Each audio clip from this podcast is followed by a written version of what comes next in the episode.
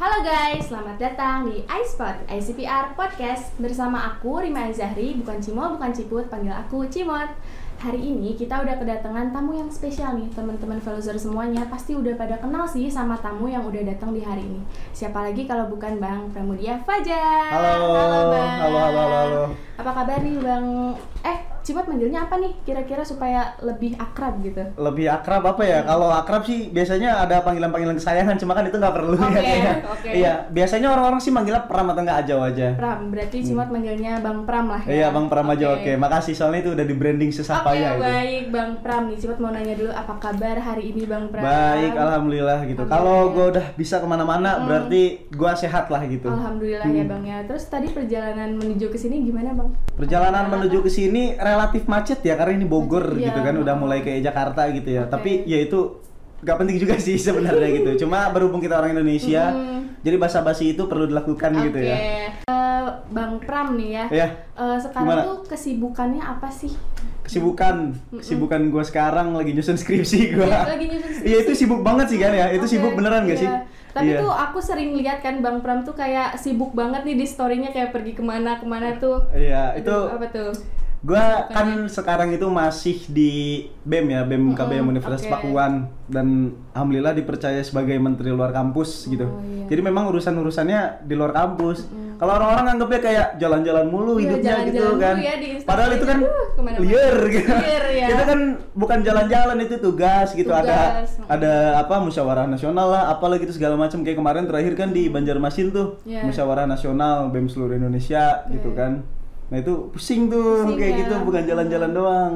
Tapi menikmati gak bang sama apa yang abang jalani Ya sekarang? harus dinikmati. Iya. Kalau nggak dinikmati ngapain masih kita lanjutin Hmm. gitu. Oke, Itu. abang kan sekarang tuh banyak kegiatan kayak gitu. Hmm. Nah pasti dong ada hal-hal atau langkah kecil nih yang bang Pram tuh eh, mulai lakuin. Kira-kira hal-hal kecil apa sih yang bisa bikin bang Pram tuh sampai hari ini tuh dipercaya untuk segala halnya deh? Maksudnya kayak kemarin eh, bang Pram, bang Pram itu eh, dipercaya sebagai BMKBM untuk menteri luar negeri, eh luar Menteri luar kampus, iya. Oke, itu Ah. gimana tuh langkah kecilnya?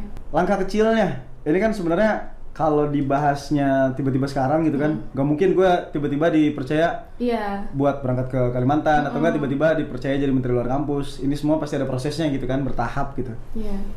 Gua itu dari dulunya dari zaman di pesantren, gue alumni pesantren loh by the way. Oh bang, Pram tuh Iya, lebih pesantren. Iya, alumni pesantren gue, walaupun nggak terlalu menunjukkan secara look gitu ya, tapi mudah-mudahan hatinya tetap pesantren ya. Amin ya Iya. Allah.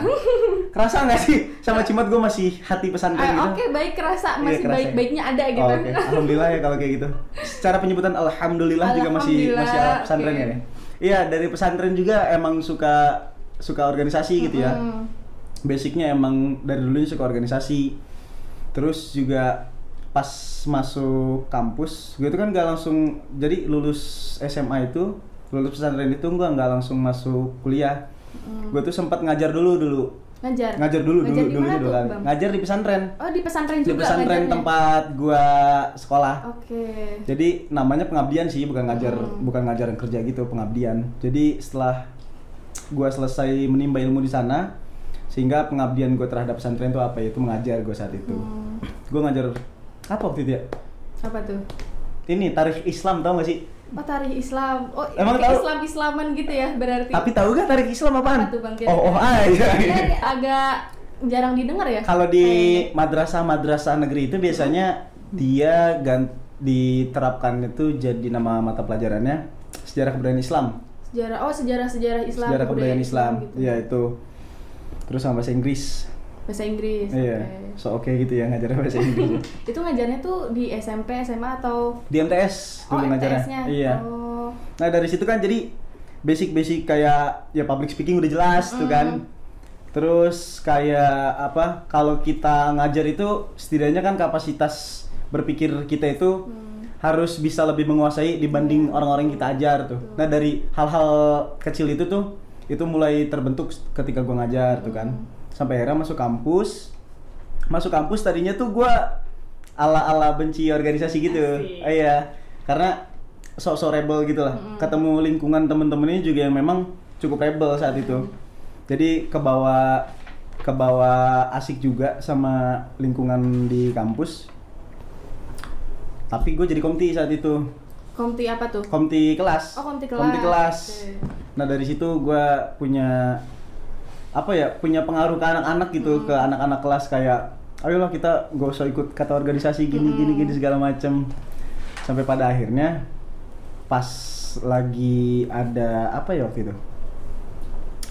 Ada perkenalan himpunan ke kelas gua. Oke. nah gue mulai tertarik. Mulailah tuh gue dari tahap ter terkecil di kampus gitu. Ruang lingkup organisasi terkecil di kampus. Oke. Dari klub profesi klub profesinya klub Asik. tercinta yang ini nih Apa tuh bang? Sebutin dong klubnya. Intellectual Club of Public Relations Uh, Yoi. ICPR ya teman-teman. Oke berarti eh, Bang Ajau ini, Bang Ajau ini berarti pertama kalinya itu datang ke klub berarti ya Iya, datang ke klub. untuk masuk ke organisasi gitu. Mm-mm. Kan untuk masuk ke sebuah organisasi itu butuh kayak ya jangan males-malesan kayak gitu kan. Hmm. Nah Bang Pram sendiri tuh apa sih yang bikin Bang Pram tuh nggak males gitu? Kalau ditanya gini sebenarnya kadang-kadang gue juga nggak bisa terlalu jawab karena kadang-kadang ya gue jujur masih ada males-malesnya gitu. Ah, Tapi gue itu orang yang emang tipikalnya gimana ya? Dibilang arogan ya bisa dibilang arogan gitu. Dibilang vokal juga cukup vokal gitu ya. Jadi zaman dulu zaman zaman gua maba itu kan gua LDK lah terus SP2H di HIMNI gini-gini segala macem suruh bawa barang bawaan agak-agak patuh agak-agak disiplin gua tuh kayak "Ah, ngapain lah gua bawa-bawa ginian gitu segala macem. Karena gua punya pemikiran gue sendiri gitu. Kayak ah ini nggak penting menurut gua gini-gini segala macem gitu. Dari hal-hal itu ya udah ketika gue punya dasar gue untuk melawan kepanitiaan nantinya ya udah gue sampaikan aja nanti ketika di hari H gitu. Toh saat itu ya ya udah gue dihukum ya udah dihukum gitu kan. Yang penting yang patut dicontoh adalah poinnya ketika kita memang punya dasar dan kita rasa apa yang kita eh, apa yang kita coba landaskan itu baik atau benar gitu kan kalau benar kan sebenarnya lebih ke relatif gitu ya benar menurut siapa tapi kalau baik itu kan lebih ke universal juga ketika menurut kita itu baik dan kita punya dasarnya gitu ya udah sampaikan aja jangan takut Mm-mm. gitu berani jadi situ poinnya saat itu Oke, yang penting berani dulu aja ya untuk menyampaikan. Oke nih Bang Pram, kan udah melawan rasa malas dan membangun rasa berani gitu ya, Iya. Bang. Eh, Kira-kira nih eh, hal apa sih yang bikin eh, Bang Pram tuh semangat gitu untuk ngejalanin apa yang Abang jalanin sekarang gitu? yang bikin semangat apa apa, apa yang dijalanin sekarang. Apa? Iya melihat perjuangannya dulu. Perjuangannya gitu. dulu. Iya karena kita sampai tahap ini tuh pasti banyak hal yang dilewatin gitu, Hmm. banyak hal yang dilalui, baik buruknya, naik turunnya gitu kan ibaratnya. Jadi kayak ketika kita nyerah di tengah-tengah jalan ya kayak buat apa perjuangan kita selama ini Mm-mm. gitu. Terus kira-kira nih yang bikin semangat ada nggak sih orang-orang sekitar Bang Pram yang bikin semangat? Biasanya kan Iya. ada aja gitu orang Iya. yang bikin semangat. Kira-kira ada nggak tuh sekarang? Oh, gimana nih pertanyaan sebenarnya poinnya apa? yang sebenarnya tuh kayak yang bikin abang untuk semangat terus gitu kan Iya. biasanya ada orang-orang spesial yang bikin Iya, iya, abang iya. semangat gitu Iya ada lah itu pasti. Kayak misalkan contohnya keluarga. Gue ini kan anak pertama yang punya dua Oke. adik dan adik terakhir gue itu baru mau masuk SD sekarang. Oh, baru mau masuk yang SD. otomatis kalau hidup gue nggak sukses nantinya, Hmm. kayaknya cukup lumayan gitu beban buat di nantinya gitu. Itu kan hal-hal secara kasar dan sederhana tapi itu motivasi banget buat kita ke depan biar nggak gini-gini aja hidup kita. oke Gitu kan. Terus kalau lingkungan pertemanan kayak gitu Hmm. sebenarnya berpengaruh nggak bang sama apa yang abang jalanin sekarang lingkungan pertemanan ngaruh banget ya kalau kita berteman sama orang-orang yang memang uh, bisa membuka kesempatan bagi potensi-potensi kita bahwa eh maka maka potensi-potensi kita juga akan bisa apa ya sampai kepada tujuannya dengan baik gitu Oke. kalau misalkan kita berteman sama lingkungan yang ya ibaratnya biasa-biasa aja gitu kayak ya kerjanya nongkrong main game lagi. Mungkin main game juga masih bisa aja. Ada aja dah kita dapat peluang kayak misalkan kita jadi e-sport atau apa gitu kan jadi atlet e-sport. Kalau emang perkembangan tongkr apa tongkrongan itu nggak punya perkembangan gitu kayak nongkrong gitu-gitu aja nggak ada hasrat untuk ngelakuin ini itu segala macem. Biasanya kan kalau di tongkrongan juga kayak tiba-tiba eh kita bikin video apa yuk? gitu-gitu segala Mm, macem gitu iya. kan. Nah hal-hal kayak gitu kan hal sederhana yang bisa memulai apa langkah yang besar gitu kan. Nah itu kita harus pinter-pinter berteman dengan teman-teman yang seperti itu atau mungkin kalau nggak lingkungannya seperti itu kita yang membuat lingkungan kita seperti itu Oke. kalau kita nggak bisa ngajak teman-teman kita sesuai apa tujuan yang pengen coba kita gagas dalam artian kayak ya temen-temennya susah diajak buat Hmm. produktifnya atau apa segala macam ya udah ya temenan tetap temenan tapi dicari lagi deh temen-temen yang sekiranya bisa diajak untuk produktif Oke. gitu Hmm. Nih kan eh, Bang Pram ini mulai masuk organisasi di klub gitu. Hmm. Ada nggak sih rasa-rasa ketidaknyamanan gitu? Dan apa yang bikin eh, Bang Pram tetap nyaman di suatu organisasi gitu? ketidaknyamanan Mm-mm.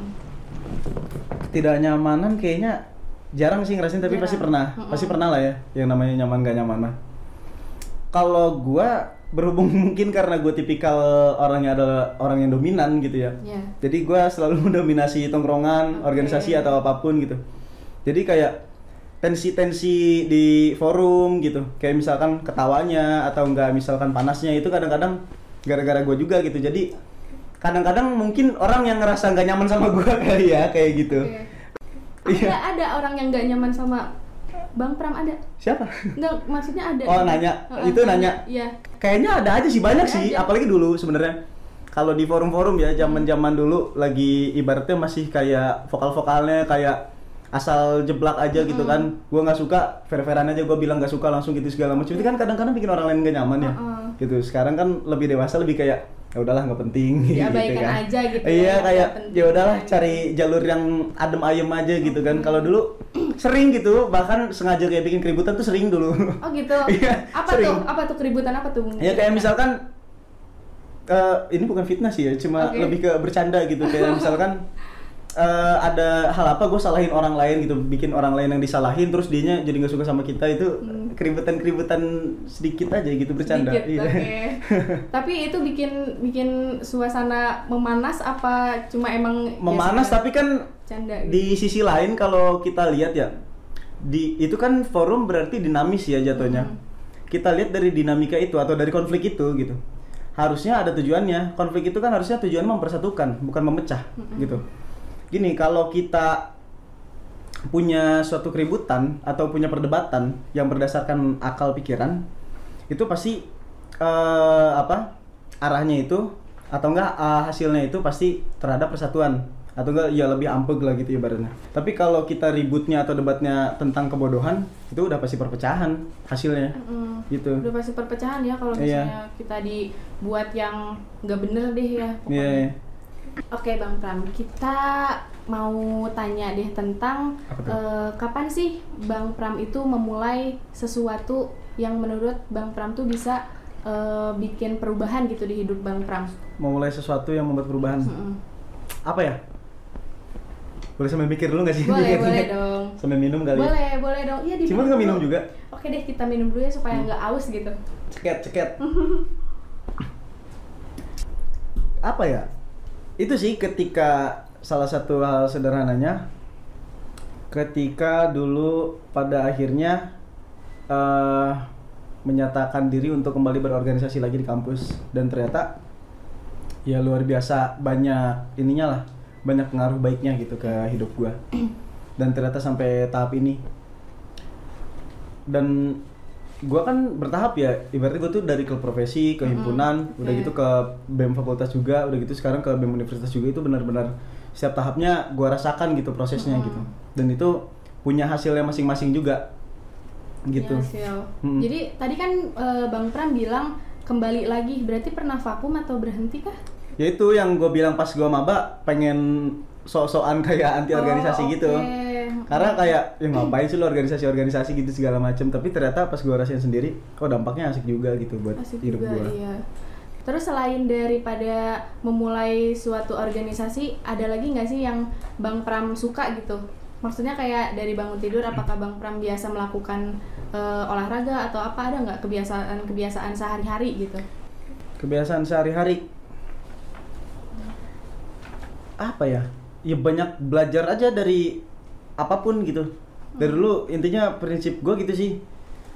Jangan pernah takut buat belajar dan jangan pernah takut untuk ambil kesempatan gitu. Dan untuk belajar kita belajar sama apa pun aja yang ada di sekeliling kita gitu. Even sama siapa pun juga gitu. Toh dari cara cicak makan aja mungkin kita bisa belajar gitu kan. Kayak misalkan makannya cicak kan nggak bunyi itu Iya. nah itu kan kita bisa belajar dari situ Oh juga kan iya, misalkan nggak Walaupun boleh itu Jadi- itu sebenarnya rada nggak penting sih. jadi kan pakai gitu kan kalau misalnya cicak makan Dicontohin ya. kayak gitu kan Iya, iya. Iya. Oke. Iya. Ya itu itu itu juga bisa kita ambil ini, ini ceritanya filosofis nih gua. Kayak cicak kalau ngeliat nyamuk dikit gitu kan siapa cepat dia dapat Iya, gitu benar. kan. Iya. Kesempatan. Iya, kesempatan. Hmm, Wih, gila, pesan moral parah dari, nih. dari cicak bisa kita ambil ya pesan moralnya Iya, iya. Iya, apa pun itu intinya Iya. yang ada di sekeliling kita itu adalah pelajaran gitu buat kita. Mm-mm. Gitu aja. keberanian ya intinya keberanian dan tepat waktu gitu. Hmm. Nah terus bang Pram ini eh, pernah nggak sih ngerasain rasa takut atau insecure untuk jadi bang Pram yang sekarang deh, yang menurut aku pemberani gitu. Emang gue pemberani ya? Ya berani di tampil untuk di mana-mana Eh. ngomong di depan banyak orang kayak gitu. Insecure. Mm-mm. Insecure merasa nggak aman. Pernah nggak ya? Kayaknya jarang banget sih gue Jarang. insecure jarang banget. Kenapa tuh bang merasa jarang? Ah, karena gini, sebenarnya oh ini jauh banget ya. Kalau gua tarik ke diri gue yang dulu, Mm-mm. diri gue yang dulu, pas kecil, pas kecil itu gua sebenarnya orang-orang yang kutu buku gitu. Oh bang Ajel suka membaca gitu ya? Iya, dari dulunya pas kecilnya banget, dari zaman TK kali. Zaman iya. kecil suka membaca. TK itu gua alhamdulillah waktu itu ceritanya dipercepat gitu langsung ke sekolah dasar Oke, karena baik. udah bisa baca. Oh oke baik. teman-teman yang lain itu kan belum bisa baca pas TK kelas apa sih nol kecil kayak gitu nah makanya langsung masuk SD cepet tuh nah dari zaman zaman SD tuh suka baca apa buku-buku tentang astronomi dan lain sebagainya macem gitu sampai era suka banget tuh ke hal itu terus ya jadi kayak kutu buku yang culun-culun gitu ngerti gak sih Oke, Pok- iya. pokoknya bukan diri gue yang sekarang banget lah gitu Pendiam berarti ya kalau iya gitu. pendiam Oh, bahkan dulu tuh gue dipanggilnya cupu pernah juga. iya gue dipanggilnya cupu dulu sama teman-teman gue Oke. punya julukan cupu gitu ibaratnya. Nah itu kena banget ke diri gue. Bahkan sama orang tua gue tuh dulu kalau misalkan disuruh nganterin makanan ke tetangga gitu. Itu hal kecil banget kan nganterin Iya. makanan ke tetangga. Gue tuh takut banget buat ngetok ke rumah orang. Oke. Iya. Malu gitu iya. ya? Takut, pokoknya Takut, takut, mm-mm. takut. Itu jauh banget, dulu banget tuh pas kecil banget pas SD. Takut banget pokoknya buat Ya jangan kan ngomong di depan orang banyak atau di atas panggung gitu ya. Ngetok rumah orang aja gue takut. Iya. Gitu kan. Untuk memulai pembicaraan ke teman sebangku gue aja pas SD itu takut gitu. Mm-mm. Sampai pada akhirnya yaitu di pesantren tuh banyak banget eh, perubahan yang gue dapetin tuh sebenarnya di pesantren Iya. kayak gue dipaksa untuk gimana caranya. Dulu kan di pesantren ada apa namanya eh, program namanya muhadoroh. Muhadoroh Muhadoroh itu apa tuh? setiap seming dua kali dalam seminggu itu latihan berpidato gitu. Pidato, bahasa Indonesia oke. Arab Inggris. Nah. Oh ada bahasa Arabnya iya juga ya? bahasa Arab Indonesia Inggris. Nah dari situlah bisa nggak bisa ya harus bisa gitu. Hmm. digilir terus kan jadwalnya dibikin kelompok gitu dari situlah mulai berani berani berani berani walaupun kayak sambil garuk-garuk dulu awal-awalnya kayak masih gini-gini ngomongnya gitu kan sampai pada akhirnya di akhir di mulai di kelas 2 SMA kan gua pesantren 6 tahun ya Iya. Nah, kelas 2 SMA, kalau di sana nyebutnya kelas 5. Kelas 5 itu mulailah dipakai, bukan dipakai, dimanfaatkan sama teman-teman itu mulai-mulai kayak buat MC gitu-gitu segala macam. Bahkan sampai acara terbesar di pesantren gua saat itu pas angkatan gua apa punya panggung gembira. Ibaratnya kayak pensi tuh Oke. kayak pensi. Nah itu gue yang MC-nya Oh, iya. berarti yang iya MC-nya. dari situlah akhirnya mulai lonjakan lonjakan lonjakan sebenarnya yang banyak merubah diri gua kayak sekarang ini yaitu berani ngomong depan orang aja gitu dulu minimal. Berani dulu ya. iya berani dulu. Poinnya dari tadi berani terus yang Iya. penting ya Karena iya hidup harus berani Iya, harus berani karena tuh memulai sesuatu tuh harus dengan keberanian. Kalau nggak berani ya kapan majunya iya gitu benar kan. Bener bahkan yang paling sederhana aja keberanian gue itu gue pakai di jalan raya di jalan raya. iya gue bawa motor tuh nggak pernah bener tuh wah aduh. parah lah pokoknya udah gitu ya ini jangan dicontoh lah Mm-mm. dan kalau ada orang-orang yang songong di jalan teriakin aja gitu kita nggak salah nah itu kan Oke. minimal dari poin itu keberanian kita makin terasah tuh terus menerus gitu kan ya kayak gitulah Oke. Akhirnya sekarang eh, Bang Pram bisa ngomong di depan banyak orang, Hmm. punya keberanian yang cukup. Intinya Iya. kayak gitu kan. Iya. Berarti memulai sesuatu tuh harus dengan berani dulu gitu. Iya, tapi kan berani juga jangan asal berani doang. Yang gue bilang tadi juga, yang penting kita paham dasarnya kita benar, kita baik, kita kita nggak salah. Ya udah kita berani untuk sampaikan. Oke, Gitu. yang penting tuh berani dulu teman-teman ya. Nah, teman-teman Fraser semuanya, pokoknya intinya kalian memulai sesuatu harus dengan keberanian dulu. Oke teman-teman Velozer semuanya nggak kerasa banget nih waktu kita udah di penghujung waktu nih teman-teman semuanya. Duh, Bang Pram gak kerasa banget ya kita udah ada di penghujung acara. Cepet banget ya kayaknya. Iya kayaknya nggak kerasa ya kalau Iya. ngobrol-ngobrol kayak gini tuh. Sebenarnya banyak sih kayaknya yang harus diobrolin lagi nih. Iya, nanti coba kita di next episode mungkin oke. ya. Di next episode kita bakal ngobrol-ngobrol lebih banyak lagi. Oke, untuk eh, Bang Pram kira-kira ada nggak sih tips atau wejangan mungkin ya Wejangan. disebutnya untuk teman-teman kita semua nih supaya berani mencoba hal-hal dari hal terkecil gitu. Intinya ya, oh ini biar ini kayak quotes-quotes ala-ala gitu ya. Iya, betul. Kalau dari gua eh, sesuai dengan apa yang biasa gue jalankan, sesuai dengan pengalaman gua dari dulu yang telah menjadi prinsip hidup gue juga. Eh, ini pasti nih, ini closing closing setiap orang-orang nih kayak jangan tunggu kesempatan datang. Aduh, iya Eh, itu itu kan Hmm, jangan tunggu gitu. kesempatan datang, tapi ciptakanlah kesempatan. Ya. Nah. Itu itu tapi relate, soalnya itu Relate, benar. mm-mm. Itu benar-benar harus dilakukan karena selain kesempatan gak datang dua kali, kesempatan juga jangan ditunggu. Barangkali dia emang gak mau datang gitu kan. Makanya ciptakan kesempatannya. Hmm, ciptakan dan dicari gitu ya. Iya. Mm-mm. Dibuatlah pokoknya dibuat Buat. kesempatannya. Terus juga kalau hal paling sederhana yang kadang kita lupakan sebagai manusia, eh, sebagai manusia. Kita itu ketika berani berbicara, yang paling pentingnya juga sebenarnya dari itu adalah kita harus berani mendengarkan berani mendengarkan gitu. Karena ketika kita bisa mendengarkan siapa pun dengan baik, kita pun pasti akan bisa bicara dengan lebih baik. Itu tuh poinnya. Oke. Itu yang selalu gue jalankan. Karena kemarin ke teman-teman juga gue sampein kayak bang gimana sih bang caranya jadi gini-gini di segala macam. Banyak belajar dari orang-orang. Gimana bang caranya belajar dari orang-orang gitu kan? Ya selain kita harus banyak apa perluas uh, referensi literatur kita, baca buku dan lain sebagainya. Apalagi zaman sekarang kan belajar nggak cuma tinggal di buku aja gitu kan. Banyak artikel-artikel, banyak juga Instagram-Instagram yang memuat fakta-fakta menarik gitu kan, info-info gitu kan. Itu banyak banget lah. Banyak jalan menuju kecerdasan lah zaman sekarang mah gitu ya. Kita juga bisa belajar melalui orang lain dengan cara apa? Ya kita dengarkan gitu. Nah, tips buat teman-teman untuk mendengarkan gitu. Kita itu mendengarkan orang lain bukan untuk membalas dengan argumen, tapi kita mendengarkan orang lain itu untuk memahami apa yang dia sampaikan.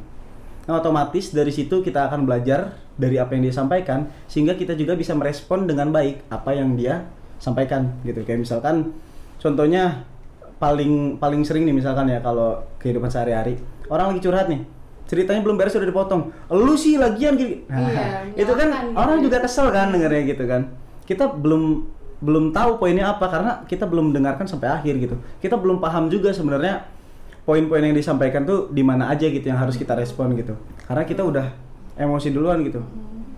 Jadi makanya ngedengerin itu pakai ini gitu Pakai apa nih? Pakai pakai kepala? isi kepala pakai- isi oh, kepala isi gitu ya. iya Oke. kalau pakai ini kadang-kadang emosinya jadi meluap Hmm, gitu benar. pahami dulu dengan baik di sini baru diserap di sini nih Biar seimbang. hmm, biar seimbang nanti baru kita sampaikan responnya gitu Oke. itu hal paling sederhana yang menurut gua banyak merubah gue juga gitu karena dari situlah gue banyak belajar juga dari orang-orang gitu karena pelajaran terbaik ya lingkungan kita juga gitu terus sama prinsip gue juga bisa mi- misalkan di forum-forum tuh gue selalu sampaikan ke teman-teman gue itu eh dengarkan yang sedang berbicara lalu setelah itu bicarakan apa yang sudah didengarkan Oke. Nah, gitu. Itu ya. jadi itu jadi kayak apa ya jadi kayak cycle gitu ketika kita setelah mendengarkan orang berbicara bicarakan lagi apa yang telah kita dengarkan jadi nyambung terus tuh nggak ada matinya tuh ilmu gitu ibarat Oke. Terima kasih nih ya Bang Pram Iya. udah mau diundang datang ke sini Iya. ngobrol Seneng sama banget malah gua. iya ngobrol sama kita-kita ngisi acara podcast ini. Pokoknya sehat selalu buat Bang Pram. amin amin sehat juga teman-teman ya iya Cimot juga harus sehat selalu Amin ya Allah. Oke. Nanti lain kali kita ngobrol-ngobrol lagi Iya. kali ya. Oke. ngobrolnya kalau di luar kamera kan lebih Oke, banyak hmm, juga. lebih banyak lagi Iya. ya. Oke, buat teman-teman semua, sekian dulu podcast kita hari ini. Semoga kalian sehat-sehat semuanya. Sampai jumpa di next episode. Dadah.